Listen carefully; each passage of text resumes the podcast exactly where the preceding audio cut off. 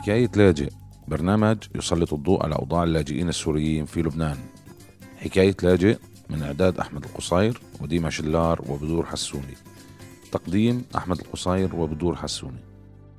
تسع سنين وشبح الحرب عم يحوم فوق روس السوريين ويقطف أرواح الآلاف منهم من دون رحمة. ليهرب الباقي منهم من الموت لأحضان الغربة ويصيروا لاجئين خارج حدود الوطن ويخوضوا حرب جديدة ما أقل من يلي قبلها. اللي هي حرب في سبيل لقمة العيش الكريم. بعد ما عاشوا معاناة الفقد فقد الوطن الأهل وحتى الأصدقاء. برنامجنا رح يركز على معاناة هدول الناس ورح نستعرض من خلاله أهم المشاكل اللي عم تواجهون ونكون صوتهم لحتى نقدر نوصل لحلول. من لبنان طرابلس تحديدا أهلا وسهلا بكم ببرنامج حكاية لاجئ.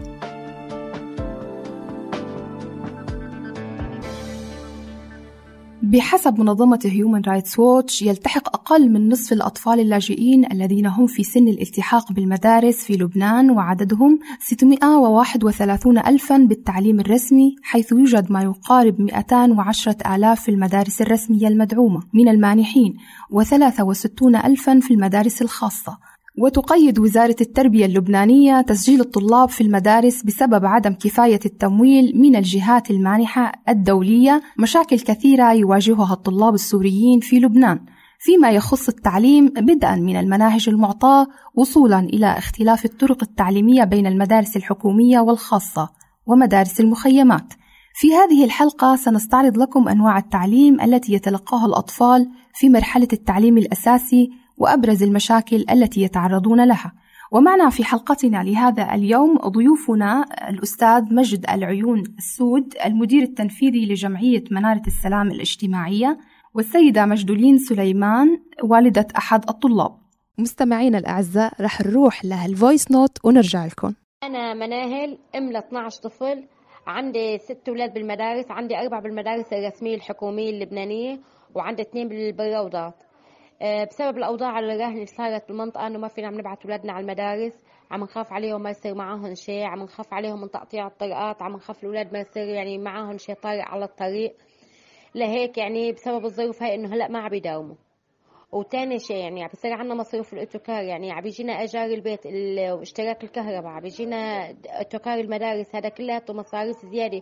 والوضع ما عم بيحمل ابدا ابدا. أول شيء شغل ما في ثاني شيء إنه مثلا عم بيصير عنا مثلا يعني آه مرض عم بيصير عنا كثير أشياء بالبيت. لهيك الواحد ما عم بيحمل إنه يدفع. طيب الأطفال معلش اللي تعلموا بنخليهم بيقعدوا بالبيت ولا بدنا نكفيهم علمهم؟ نحن بنتمنى من كل شيء بيسمع صوتنا إنه يساعدنا بس بتعليم أطفالنا. نحن طالبين العلم. مرحبا أنا عمار. آه، في كتير أسباب آه، ما عم تخلينا نبعت الأولاد على المدرسة. أول شغلة الوضع الاقتصادي بشكل عام صعب جدا. يعني آه، بسبب قوانين البلد في صعوبة للحصول على عمل. بالتالي آه، في أعباء كبيرة على الأهل. بالنسبة للمدرسة أول شيء في في عنا الأقساط المدرسية وفي عنا إيجار الباص اللي هو عم يكون بشكل آه، شهري شهريا. تاني شغلة في كمان آه، في مشكلة آه، الدراسي والإفادة المدرسية. طبعا كتير أهل ما بيقدروا يسجلوا أولادهم بمدارس خاصة والمدارس الرسمية كمان ما عم تسهل هذا الأمر. وطبعا آه، في صعوبة كتير بالحصول على الإفادة المدرسية من وزارة التربية بالنسبة للسوريين بشكل عام بلبنان. كمان في الشغلة الثانية آه، أحيانا آه، أولادنا عم عم يواجهوا عم يواجهوا كتير مضايقات بالمدرسة من رفقاتهم بالصف إن كان موضوع التنمر أو الإساءة اللفظية أو حتى أحيانا آه، الجسدية بالمدرسة. أنا اسمي أمل. نحن ما فينا عم نبعث أولادنا على المدرسة لعدة أسباب. السبب الأول إنه أجار الأوتوكار آه، تراوح بين العشرين لثلاثين دولار كل شهر. فهذا اللي عنده ولد واحد. فما بالك اللي عنده أكثر من ولد. تاني شيء بالنسبة للظروف الراهنة عم تتقطع الطرقات. احتمال الولد عم يتأخر ساعة وساعتين لحتى يوصل على البيت. الشغلة الثالثة نحن عم بالمدارس الرسمية عم يصير في تنمر على الطلاب كتير تنمر على الطلاب السوريين انت سوري انت لاجئ. فدائما هذا الولد عم يتأثر بهذا الكلام. الشغلة الرابعة لحد الآن في لبنان آه ما لقينا هذا الطالب اللي رح يكون هو مثل إنه ينتج يطلع brevet بعد ال brevet ياخذ اسم تاني ثانوي وبعدها يطلع على الجامعة. يعني ما في هاي الأمور ميسرة. فدائما عم يضيع القدوة الطالب القدوي قدام أولادنا. فنحن عم كرمال هاي المواضيع نحن ما عم نبعث أولادنا بصراحة عن ست مجدولين مرحبا. آه، قد عدد أطفالك ويا ترى كلياتهم عم يروحوا على المدرسة؟ أهلا وسهلا أهلين يعطيك ألف عافية. آه عندي ثلاثة أولاد. صبيين وبنت البنوتة صغيرة عم تروح على المدرسة والصبيان الذكور لا والله ما عم يروحوا على المدرسة حاليا. ست مجدولين شو أسباب انقطاع أولادك الذكور عن الروحة على المدرسة؟ سبب انقطاع الأولاد الذكور طبعا عن المدرسة الكبير سليمان عمره 13 وعمر عمره 11 سبب انقطاعهم عن المدرسة هو الضائقة المالية طبعا يلي عم نمر فيها حاليا. زوجي عنده مرض بظهره وبالتالي ما في يشتغل أي شغل وعمله مهنته الأساسية بتتطلب إنه منه إجازة عمل. وهون بتكلف بلبنان وبالإضافة ما عنده إقامة حاليا لذلك هو عاطل عن العمل. ما في أي مورد, أي مورد. لذلك اضطروا الأولاد يطلعوا من المدرسة على مضض مع الأسف شديد. آه بس لحتى على القليل يعيلوا فينا ونسدد أجار البيت. والحد الأدنى من الحالة المعيشية. أهلا وسهلا أستاذ مجد. ممكن تحكي لنا شوي عن أنواع التعليم المتوفرة للطفل السوري بلبنان والفروقات وأبرز الفروقات بيناتها بين التعليم الحكومي والخاص وتعليم المخيمات. مساء الخير سيد أحمد يعطيك العافية. التعليم آه، بالنسبة للطلاب النازحين السوريين في لبنان آه، يكون تعليم رسمي وفق المدارس الخاصة التابعة لدائرة التربية اللبنانية وهي الشريحة الأكبر المنتسبة لهذه المدارس. يأتي دور أيضا المجتمع المدني بالجمعيات والمنظمات والأفراد يقومون أيضا بتعليم الطلاب أيضا المنهاج اللبناني وفق تعليم خاص في مدارس خاصة. ويوجد أيضا تعليم من أجل محو الأمية وهذا الجانب يكون أو يتركز بشكل أساسي على الطلاب السوريين الموجودين في المخيمات والمناطق النائية داخل الأراضي اللبنانية. النسبة الأكبر منتسبة إلى المدارس الرسمية يأتي بعدها دور المجتمع المدني ومنظماته للقيام بهذا الدور. ويوجد بعض الجمعيات التي تقوم بتعليم غير رسمي سعيا في محو الأمية والحفاظ على جيل يدرك معنى الكتابة والقراءة والعمليات الحسابية البدائية والأمور الدينية البدائية حفاظا على المجتمع السوري. أه بدي أسألك أول ما وصلتوا على لبنان يا ترى أولادك كلياتهم دغري راحوا على المدارس ولا ولا انقطعوا؟ أول ما أجينا على لبنان ضلينا شهرين لحتى سألنا عن المدارس وعرفنا كيف هون نمط المدارس. بعدين الحمد لله سجلناهم بعد شهرين وداوموا بشكل نظامي. أطفال المخيمات الطلاب ما عم يتمكنوا من إيجاد وسيلة تعليم بالمدارس الرسمية أو الخاصة إما بسبب الفقر أو بسبب صعوبة توفير المواصلات.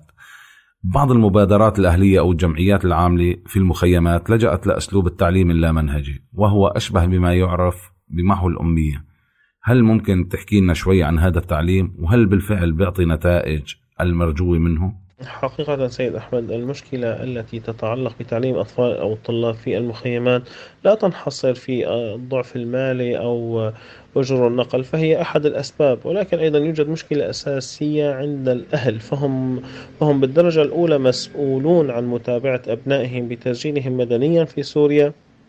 وبعدها تسجيلهم في المدارس الرسمية الخاصة. نحن نعلم بأن حتى يتم تسجيل الطالب في مدرسة ورفع لوائح دوائر التربية لابد أن يكون مسجل أصلا في سوريا منذ آه، لحظة الولادة أو أيام الولادة وتسجيله على خانة الخانة المدنية للأب وبالتالي استحصال إخراج قيد فردي له. وهذا أمر بات متوفرا أمام الجميع لكن يوجد تواكل تراخي من هذا الجانب وضعف وعي وضعف ثقافي بالنسبة لنسبة كبيرة من الأهالي. آه، تؤدي إلى عدم تسجيل هالأولاد في مدارس رسمية أو حتى مدارس خاصة وعدم استطاعتهم بإنزال أسمائهم على لوائح دائرة التربية اللبنانية. العملية التعليمية التي تتم بالنسبة لأطفال المخيمات وهدفها هو محو الأمية هو يخفف من حدة الأزمة أو المعضلة المشكلة الموجودة بين أبناء بلدنا الحبيب سوريا ولكنه لا يمسح المشكلة لا ينفي المشكلة. هذا الأمر يحتاج إلى تخطيط كيف يتم التعامل معهم والدعم بشكل أساسي لهؤلاء الأطفال في حال غياب دور الأهل لأنه أستطيع أن نقول بأن دور الأهل ملغى بشكل كامل في بعض المناطق. لا متابعة من الأسرة ولا جو الأسرة. يعني شو متوقع يكون جو الخيمة؟ هل هو مؤهل لأن يتعلم الطالب ويدرس؟ هنالك ظروف قاهرة وصعبة فلا بد أن يكون هنالك رأي عام وتوحد جهود لدعم مثل هذه المخيمات بتأهيل هؤلاء الطلاب تحسين اندماجهم في المجتمع تقديم الدعم النفسي والاجتماعي لهم آه، من تسرب عن العام الدراسي يتم تعويض ما فاته السعي لتسوية أوضاعهم القانونية في دائرة النفوس السورية استحصال إخراجات قيد لهم آه، اعترافا لشخصيتهم وأن لا يبقوا مكتومي القيد. آه، هذا ملف كبير وقد لا أستطيع أن ألخصه ببعض الكلمات عبر هذه المقابلة لكن أستطيع أن ألخص القول. المشكلة التربوية لها امتدادات مش بالناحية المدنية وامتدادات من عنوان من مكان السكن ومن طبيعة الأسرة وتكوينة الأسرة والوضع الاجتماعي والوضع المالي آه، ونسأل الله أن يهيئ أسباب لتفادي أو تخفيف هذه الإشكاليات. تأتي أيضا أسباب أخرى هو العامل المالي الصعب الذي يعيشه السوريين عامة وأخواننا السوريين في المخيمات خاصة وأجور النقل التي التي نستطيع أن نوصفها بأنها مرهقة وخاصة إذا كان ولي الأمر لديه أكثر من ولد اثنان أو ثلاثة فتبدو هذه المشكلة ظاهرة بالنسبة لربي الأسرة. شو نوع المدارس اللي عم يرتادوها أولادك وقديش بتكلف؟ المدارس اللي بيرتادوها أولادي هي مدارس آه، لبنانية خاصة لكن مدعومة من جمعيات أهلية ومنظمات خيرية. آه، بتكلف أنا رسوم رمزية بسيطة بالإضافة إلى أجور النقل. لبنان غير موقع على اتفاقية اللاجئين الدولية وهذا الشيء بيحرم كثير من الطلاب السوريين إنهم يلتحقوا بالمدارس الحكومية اللبنانية. بطريقة متواصلة أكثر من عام واحد برأيك ما هي الإجراءات اللازمة لضمان حصول هؤلاء الطلاب على حقوقهم في التعليم؟ أنا وجهة نظري وهي وجهة نظر نظرية طبعا الدولة التي تحترم حقوق الطفل وحق الطفل في التعليم يكون هنالك إلزام بتعليم أي طفل موجود وأقصد بالطفل هو كل شخص عمره تحت 18 سنة. يتوجب إلزام أي طفل موجود في الأراضي العربية كافة حتى لو وفي لبنان وفي الأردن وفي سوريا. هذا حق للطفل قانون دولي أتكلم. أن يتم انتسابه إلى المدرسة التعليمية من الصف الأول ومن حتى الصف التاسع. هذا الأمر يحتاج إلى سلطة تنفيذية ووعي في ووعي في قيادة البلد الموجودين فيه سواء كان لبنان أو بلدان أخرى في أن تلزم هؤلاء الطلاب بانتسابهم المدارس وتمنع عمالتهم وخضوعهم في الأسواق والمهن الحرة التي تؤدي إلى تردي المستوى الاجتماعي للسوريين بسبب انتشار هذه المظاهر في في البلد الذي يحتوي أعداد كبيرة من النازحين لبنان. لقيتوا صعوبة بالتسجيل وشو كانت الوراء اللي انطلبت منكم لحتى تسجلوا الأولاد؟ أبدا أبدا ما لقينا صعوبة وقت تسجيلهم لأنه من تسع سنين نحن يوم 2012 في لبنان كان سليمان وقت عمره ست سنين بقى سجلناه صف أول تلقائيا يعني بتسجل بدون أي أوراق. وعمر وشهد كانوا روضة كمان سجلناهم. ست مجدولين شكرا لك وبتمنى لكم التوفيق وإن شاء الله ترجعوا سالمين لدياركم. أهلا وسهلا فيكم يعطيكم ألف عافية. الأوضاع الاقتصادية بتمنع الأهل أنه تبعت أولادها على المدارس ومنشوف نسب مرتفعة من عمالة الأطفال على المستوى القانوني وعلى مستوى التأهيل. شو ممكن ينعمل لهؤلاء الأطفال؟ الأوضاع الاجتماعية التي تشهدها الأسرة السورية في لبنان سيد أحمد هي سبب أساسي لتراجع الكثير من الطلاب عن انتسابهم للمقاعد الدراسية. ليس فقط من جانب أن هذه المدرسة يتوجب عليها رسوم وإنما من جانب آخر أن ولي الأمر أصبح بحاجة لسواعد ابنه أو ولده كي يعمل ويحصل قوت يومه. وخاصة أن في الآونة الأخيرة شوارع البلدان باتت هي شبه مجمدة من قبل العمل وفرص العمل. وأصبحت الأسرة السورية محاربة أو بأجواء اقتصادية تنحصر فيها لقمة العيش باليوم الواحد. وولي الأمر أصبح بحالات عديدة وموثقة يمنع ابنه من الدخول إلى المدارس آه، آه، حتى يقوم بتأمين آه، عمله وقوت يومه. وهذه مشكلة حقيقة بدأت تتفشى بشكل ظاهر وعلني في مدينة طرابلس تحديدا ولبنان عامة. أستاذ مجد أنتم كجمعية محلية وأهلية شو ممكن تاخذوا تدابير لتقلل من تسرب الطلاب من المدارس؟ أستاذ أحمد من خلال عملنا في الجمعيات يبقى عملنا محدود في المجتمع المدني.